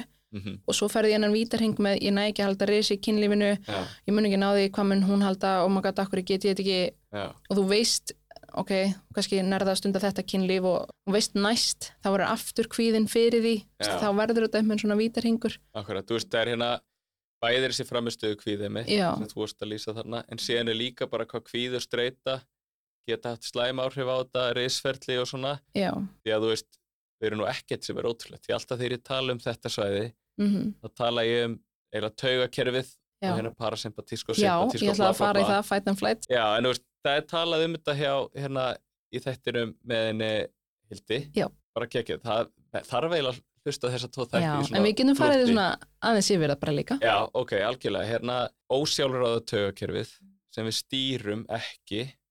Uh, þetta er algjör bara svona 101 Mhm. útskýring, svona kurs, hérna, grunnur svona. Það skiptist í parasympatíska og sympatíska kerfið.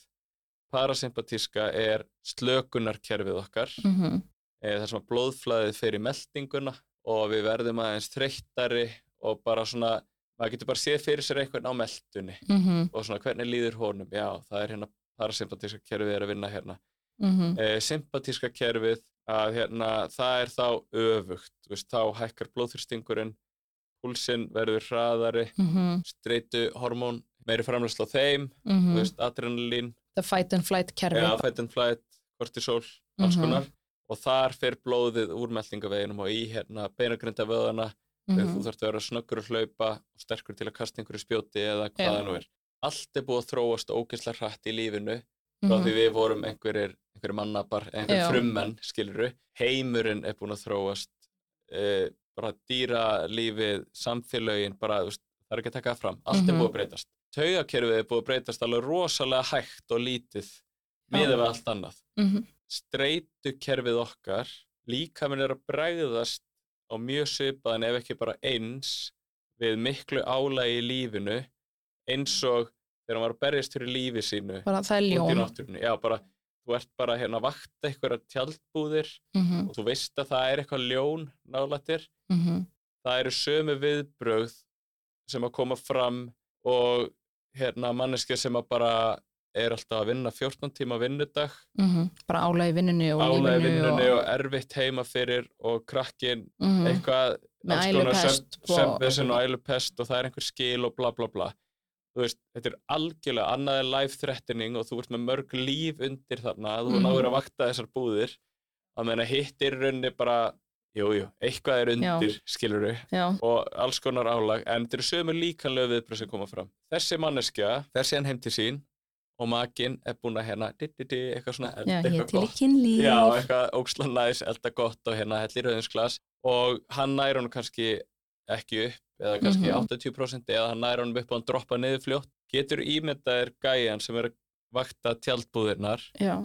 að hann standi þarna með bónir þú ert ekki fara að fá þessa kynlungun eða bara eitthvað svona er ég að hugsa um að runga Já. aðeins en á meðan er ekki ljóni pottitt langt í burtu Já, akkurat, það Já. bara er ekki séns af því að bara líka með þeir náttúrun er nennir Já. ekki að leifa þér það já, ég veit þetta er ógst svona ykt dæmi já, en þetta er samt já og ég Svona. nota þetta líka ég man ekki hvort ég nefndi þættinu með hildi eh, eins og með fæðingar þegar fólk fyrir, þú veist, er kannski að mallast að heimi og sér komið bara, ok, ég er hérna ég er alveg að fara að fæða, ég ætla upp á spítal og þá droppar oft niður. Það er bara því við breytum hverju þá hægist á ferðinu að því að streitu hormón hækka. Því þú ert ekki að fara að fæða badd þegar ljónar að Já. þá stoppar líka minn bara. Einmitt. og það er þetta eins með kynlífið. Þú ert ekki eitthvað afsækja ljón. Getur þú hingraða aðeins? Við ætlum að fara að njóta ásta. Og þetta er alveg ves að útskýra þetta að þurfa að fá að mér finnst það allavega stundum að menn þurfa að acceptera að þurfa að breyta svona miklu já, þeir vilja kannski bara helst að hérna, þessar grindabósæfingar eða þessar töflur lægið þetta. Þessi pumpa, er það ekki nóg? já, ég skal pumpa 20 já, bara svona, nei, þú þarft bara helst að minga álægi vinnun og auka söfn og bara gera alls konar. Já, veist, og líka ef að, að því þess að segja fólki alltaf að skipulegja kynlífið sitt. Að því þú ert hérna undir brjálega álægi og ætlar að eftir að kynlífið bara gerist þá er það ekkert að fara að gerast en ef þú skipulegur ok, það er þriðdagskvöld og þá veistu alla vikuna og þá veistu kannski þriðu daginn herri, ég, ætla ég ætla að hætta klukkan fjögur í dag ekki að vinna til átta og svo fara heim og halda ég sér tilbúin í kynlíf. Þú veist, heilin er mikilvægast að kynfarið maður verður að koma hausnum sínum með í kynlífið. Það er svona skipulegum með það til að vita ok, þriðdagskvöld þá ætla ég bara að hagraða mínu lífi þannig. Það er minni stress þann daginn. Mhm. hvað get ég gert til En að slaka á? en ekki að það sé ekki galdralusnin en akkurat. En síðan líka kannski fínt að taka fram svo að einhverju sem er að hlusta kom ekki alveg beint svona til mín í fyrsta stopp við kynlífsvanda. Eða skilur, já. ég er alveg að vísa á kynlífsráðgefa eða Mhm. kynfræðinga, Þetta er þetta líka bara sálfræðingar já, og... eða sálfræðinga, klálega sko. Mhm. En auðvitað er náttúrulega óhjákvæmilega ef maður er að vinna með þetta svæði að þá ræði maður þetta klálega og ég veit alveg alls konar um þetta en þetta er samt ekki alveg svona ákkurat minn punktur Nei, svona, eitthvað svona hvað á ég, hvernig kveiki ég í nei, nei, nei. sjálfum, eða skilur Nei, en bara þetta fræðsla um áhrif streytukerfisins á kynlöngun, að því það er þessi svona úrælta mýta sem er ennþá svo föst að þetta sé bara kynkvöt, Mhm. þetta sé bara eins og að verða þystur og verða svangur, þú mynd bara fá kvötina aftur, þetta er ekki svoleiðis, þetta er, verður að koma áreiti til að kveikja á þessu, til að kveikja þessu löngun og þá er þetta mitt skipleggja, ég er alltaf að áreita fólk með að skipleggja kynlífið sitt, að því þá ferð að plana og þá ferð að fá hugmyndir og þá ferð ég annan forleik að tala við makaðinn og líka þetta sem ég held að sé mjög mikilvægt kannski aðalega samhliða meðferð hjá þér, þú veist, ef það er verkaði risavandi eða perónís eða hvað það er að bara breyta kynlífshandritinu. Bara það er ekki bóði stampína núna eða samfarir, það er hægt að fá fullnæðingu án þess að vera með stampínu. Já, en Alveg. þetta handrit er oft svo fast bara það þurfa að vera samfarir, annars er þetta ekki kynlíf. Aðalega held ég hjá já, sískallmunum í gagkinja sambandi því það er bara það sem okkur er kent í kynfræslu alls konar hægt á þess að hérna þess að séu samfæri eins og þú segir, ég fór bara að hugsa um hérna eins og blessiðu kallana eh, með hérna brotnámið, Já. þeir ná honum ekki upp en þeir geta samt fengið fullnægingu sem ekkert allir vita Nei. en ef einhver segir það þá er það alveg bara ok, geggjað já, það bara opnar Já. nýjan heim og þú getur líka penetratað sem ég veit ekkert hvað þessi betur orð heldur en að innlima getur, ég nota vanlega samfarir bara já, þú getur stundar samfærir já, þó að það sé ekki 100% Já. reist. Ég veit ekki hvað það sé endilega, ég, ég nota stundum 60% en já, já. þetta er svo sem hver allar hver er hann, ekki, nei, ah, 59% Já, hann er 50% já, ekki kvöld. En að taka þetta bara úr myndinni bara já, samfærunar, að skoða bara þeir með hendur, einhver tæki einhver múffur, ef að það virkar. Að nota líka, þetta þarf ekki endilega að komast inn í einhver múffu, þú getur alveg nota titring á tippi líka, líka að þú veist að tala um að mingar oft svona skinn svona næmnin, kannski þarf bara meiri örfun núna, þú veist, þetta getur breyst svo margt Herri, með ég þessu. er allt stundum með mitt hérna eitt af einkennunum já, hjá verkjaköllunum. Það er einmitt bara minna skinn já, þá er maður einmitt bara, ok, hérna alveg eins og annar staðir eða skinnmingur þar maður stundum bara örfa svæðið á Mhm. nýjan hátt. Akkurat það getur þá verið með þú veist, hita og kulda Já. til dæmis eða með výbring að því við erum búið, þáttunni búið elko unasvara en þetta er mitt að mér svona kynlýnstæki fyrir tippi, það hugsa bara múffur en bara nei nei, þótt að stendur kynlýnstæki fyrir píku eh, veist eins og heimasíðunni, þú veist það er eitthvað svona fyrir píku, fyrir pör, fyrir ras, þú getur alveg nota það sem er innan geslappa fyrir píkur á tippi Mhm. og nota, já þú veist titringin, setja hann, prófa mismundi staði á tippinu, já ok, ég finn hérna, hérna er hann miklu næmari heldur en hérna, svona prófa sér áfram. Finnst þér kallar, hvernig taka þér í þegar þú talar um bara að nota unastæki þeir taka vel í það. Já, þegar að hérna, já, algjörlega og það er bara pottitt af því að þeir sem eru hjá mér eru þannig típur búblan sko. já, já, eiginlega bara flestir mega til í að prófa þetta Já, einhvern veginn að segja, já. herða ok, geggja hérna og er alveg að punta niður og akkurat og já, þá fleiri ástæður eins og með, sem hefur áhrif á reisvandan sem er kannski meiri svona forvörd svona til framtíðar, er eins og með nikotína því að núna taka svo ótrúlega margir í vöruna já, algjörlega, þú veist, það náttúrulega alveg vitað um áhrif nikotíns á æðakerfið, mm þrengir, já, algjörlega. Þannig að bæði eins og segir góð forvörd til framtíðar eða bara eitthvað gott til að gera núna eða þú ert búin að Já. nota þetta mm lengi og mikið í, í mörg ár sko. Já og líka, Það sé. ég, hérna, að ég fór í aðgerð um daginn, eða í september og það er bara, þú mátt ekki nota neitt nikotín tveim vikum fyrir aðgerð, ekki það ég nota ekki nikotín, en að því þetta tekur svo þetta hefur svo mikil áhrif á æðakerfið maður bara mátt ekki nota fyrir aðgerð og þetta tekur alveg svona langan tíma þú veist, það er tvær vikur fyrir sem mátt ekki nota þetta og einhver tíma eftir á sem ég man ekki hvað var. Já, sem að þú veist þú segir langur tími mm en ég myndi vilja segja samt sko stuttur tími að, að ef þú veist bara eitthvað svona ok, herri, ég hérna búið að útilega þetta og þetta og þetta þú veist, það eru alla líkur á að þessi nikotínpúðar séu kannski að hamla vanti aðeins upp á.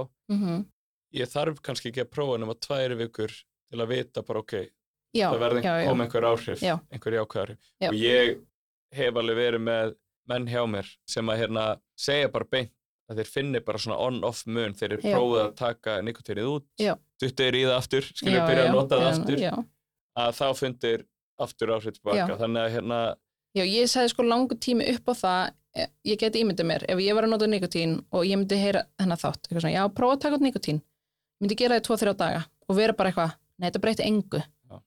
En að gefa sér allavega tvær vikur okkarlega án nikotíns og svo, svo getur maður auðvitað að fara í dýbri pælingar með streituna og það, að þá ertu kannski að nota nikotín self-medicating fyrir það, já, já, það getur verið flókið, eh, kannski fara að skoða það með sálfræðing og eitthvað.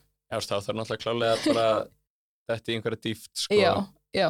ef, já, en já. að gefa allavega tvær vikur að kötta nikotínið út og að því við líka að tala um, að því við tölum hann um streituna að kannski, ok, það er kannski almennt ekki mikið streita lífinu þínu en kannski bara streita fyrir að vera með þessu maka eða svo stunda Mhm. kynlífi fyrsta skipti eða nýra maki, eitthvað svona risvandi til að byrja með. Og þá er kannski auðveldast að lausnum bara, já, ég fer bara á ég fæ viagra. Bara, nei, þetta er bara Mhm. talið saman, talið um kynlífið ykkar. Sko, lifin geta alveg verið fín já, að mörguleiti eins og hérna það er lið sem til Cialis mhm, sem að er stundum gefið í svona mikrodós. Þú veist, þá er þetta held ég sko 5 mg tabla sem að, veist, ég myndi ráðleika mönnu sem ætla mikrodósa að bara taka hálfa þannig mhm, og hún ítur undir blóðflæði já, á þessu svæði og þá er þetta bara smá eins og bara, já, þú ert eldri hérna einstaklingur og tekur hjartamagnil eða barnamagnil kallast það, já, eða hálfa íbúfen bara aðeins til Mhm. að þinna blóðið sem blóðtappa eða segavörn Já. þannig að stundum getur þetta virkað vel tímabundið mhm, allavega er það mín reynsla, já, klálega já, en þetta er ekki það mikið inngrip og það mikið hjálp að þú verður háður þessu Já, eða verður já, já. að grípa í þetta sem að kannski Viagra tabla eins og dæmi sem Mhm. að þú varst að lýsa myndi kannski frekar vera bara svona já. ég tók hana síðast ég verð að nota hana aftur Já. núna skilur og ég hugsa líka um svona placebo áhrifin á þessu að svona, Mhm. mm. ef ég myndi gefa smynd þú bara, já, ég veit að ég er að taka lif Mhm. sem hjálpa við þessu, það Já. lækkar streituna lækkar, uh, lagar hana vítarhing sem Já, vorum að tala um með en ég geti ímyndum að það var líka svona Mhm. partur af því, þannig að um, þá taka einhver svona mikrodós, þannig að þetta er svona tvíverkandi, þetta er, þú ert slakari þú veist að þú ert að taka þessa pillu sem er að hjálpa þér og þá ertu slakari en líka þetta er auka blóðflæði, þannig að þetta kemur kannski svona af stað áframt að vinna í hinnu við erum búin að leysa öll heimsins vandamáli hérna en hvenar ætti fólk að leita sér aðstofur og hvað er þá fyrsta skrefið? Svo ef ég er að hlusta á hana þátt og ég er bara að tengja eitthvað eða allt hvernig finnum maður þig til dæmis? Já, þú leitar þér auðvitað bara aðstöðar ef að þetta háir þér mm -hmm. á einhvern hátt og ef að læknir ráðleggur þeir að gera það, lítur að vera ástæði fyrir að ráðleggja það, getur verið sniðut Mm að leita sér aðstöðar og þú leitar þér aðstöðar til mín eða er búið útilöka allt já, lífshættulegt. Sem vorum að telja upp kannski var á að hann telja upp áðan og ef að það er ekki búið, ég geng alveg úr skuggum það mm -hmm. þá vísa ég þeir í það. Og svo er þetta bara eins og að handa tíma í sjúkarþjálfun annars staðar, þú bara, ég er í táp sjúkarþjálfun, ringjað þangað en svo getur þú sendt mér á hérna neðanbeltir skallahilsa, Facebook og Instagram þú sendt skilabóð þar eh, eða svo maður taki alla möguleikana Larus sjúkarþjálfari, Lárus sjúkarþjálfari já, gmail.com getur sendt mail og hefur upp á mér einhvern veginn ef þú vilt það sko. Já.